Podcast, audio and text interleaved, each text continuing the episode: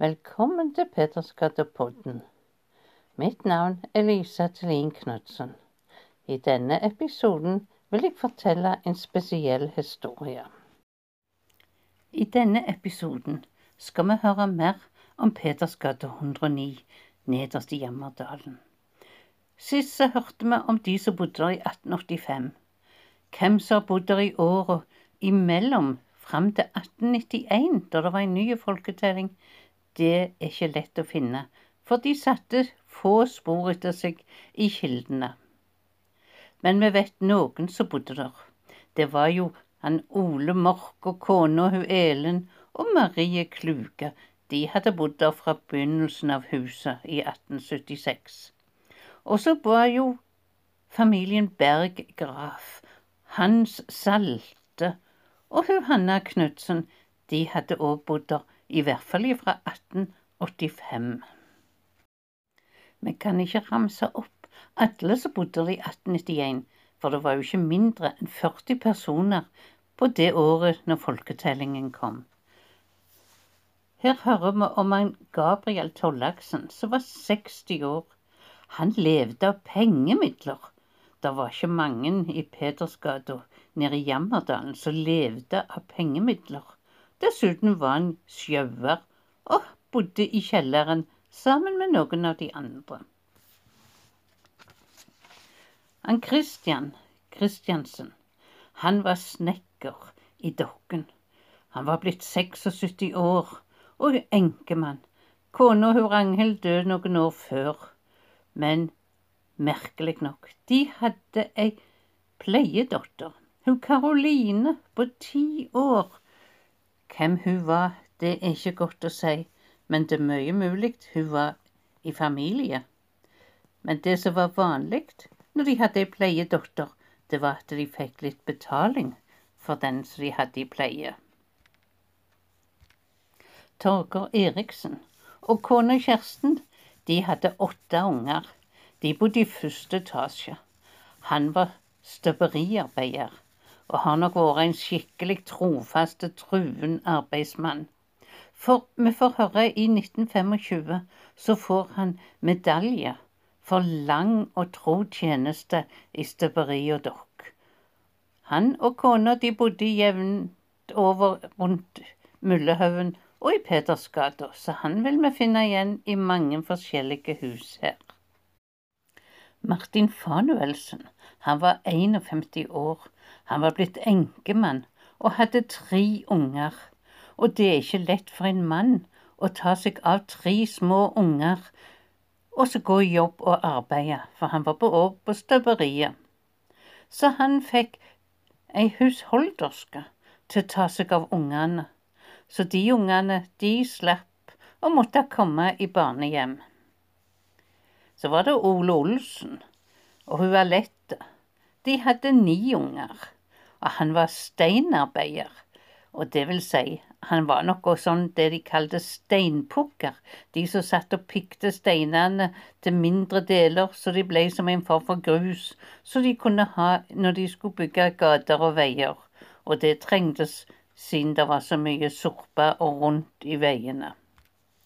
Årene gikk, og når vi kom til 1894, da kunne vi telle i hvert fall fire-fem enker og enkemenner som bodde der alene, og de hadde nok et lite kott som de fikk bo på, og de fleste av dem måtte få hjelp av fattigkassen. Og det var det vanlige. Det var òg en del familier som hadde fire, fem og seks unger, og de trengte òg hjelp fra fattigkassen, så de må ha det tøft å gå og tigge og tigge om igjen og om igjen. Men når vi kommer til 1896 og fram til 1898, så finner vi en familie. Der har vi han Jørgen Elias Jørgensen. Han var 50 år. Han var løsarbeider. Han var fattig. Han var gift med Borghild. De hadde tre unger. Men så mista de dattera i 1897. Dette har nok satt sitt preg på familien. Han Jørgen og kona, de sto ikke i statskirka. De hadde nok meldt seg ut for å kunne gifte seg borgerlig, for det jo var vanlig i den tid.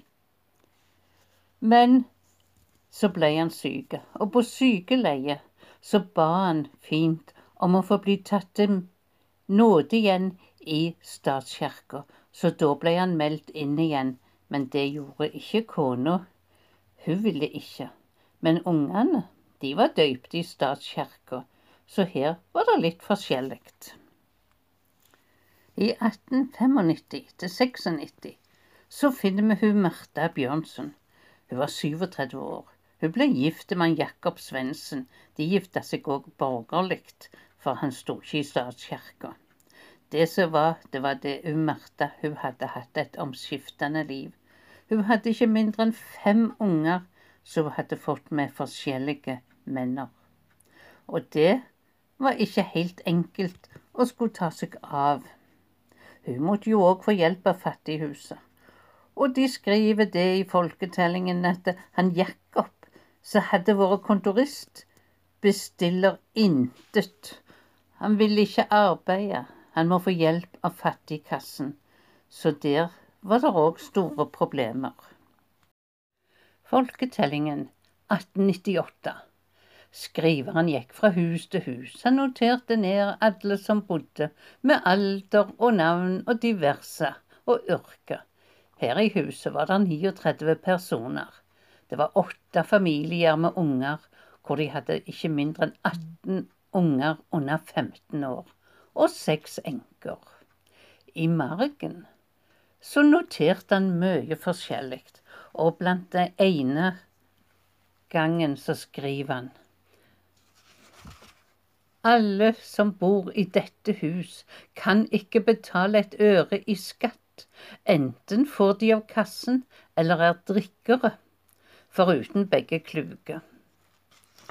Men han noterte andre ting òg, og det var på personene. Og det var til dels på straff eller drikkfeldig. Fattiglem. Drikker, arbeider lite og her drikker meget, likeså hans søster. En annen bestiller intet.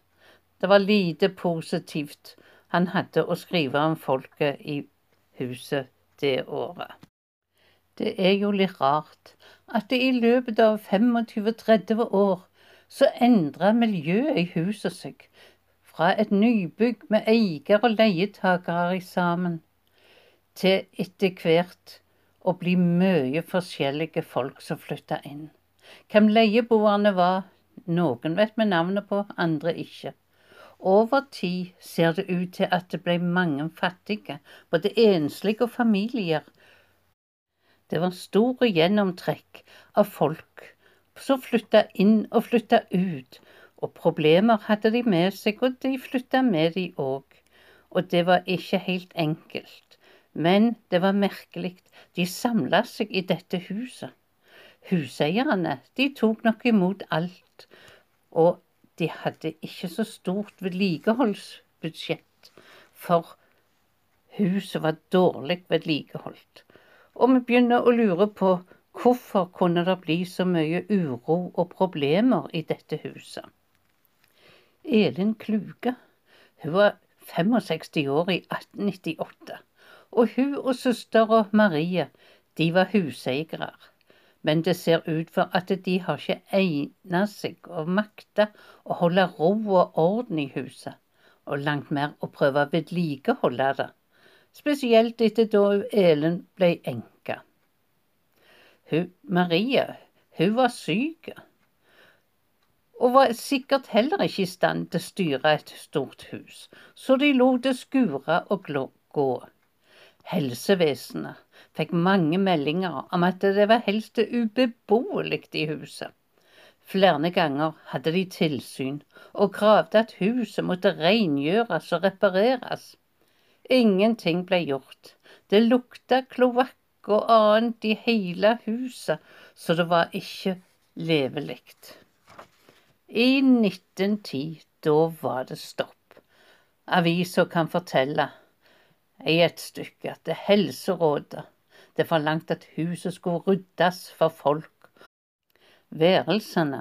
De mangla dører, og vinduer var knuste. I kjelleren var det fullt av stinkende saker etter en slakter, og sammen med kloakklukta så stanka huset, så det var ikke levelig. Men både Elin og Marie de hadde i alle år overhørt pålegget om reparasjoner. Det virka så Marie var litt rar av seg, skrev de i avisa, men hun var testa, hun var jo tilregnelig. Og dermed så ble huset tømt. Marie og de få andre som bodde der, de måtte ut. Og fattigvesenet, de måtte sørge for en ny plass for de å bo. Og hvor det var, det vet jeg ikke. Vi får høre mer om hvordan det gikk i Petersgata 109 i neste episode. Takk for at du hørte på Petersgata-podden. Du kan lese om Petersgata 109 på hjemmesida mi petersgata.org. Håper vi høres snart igjen.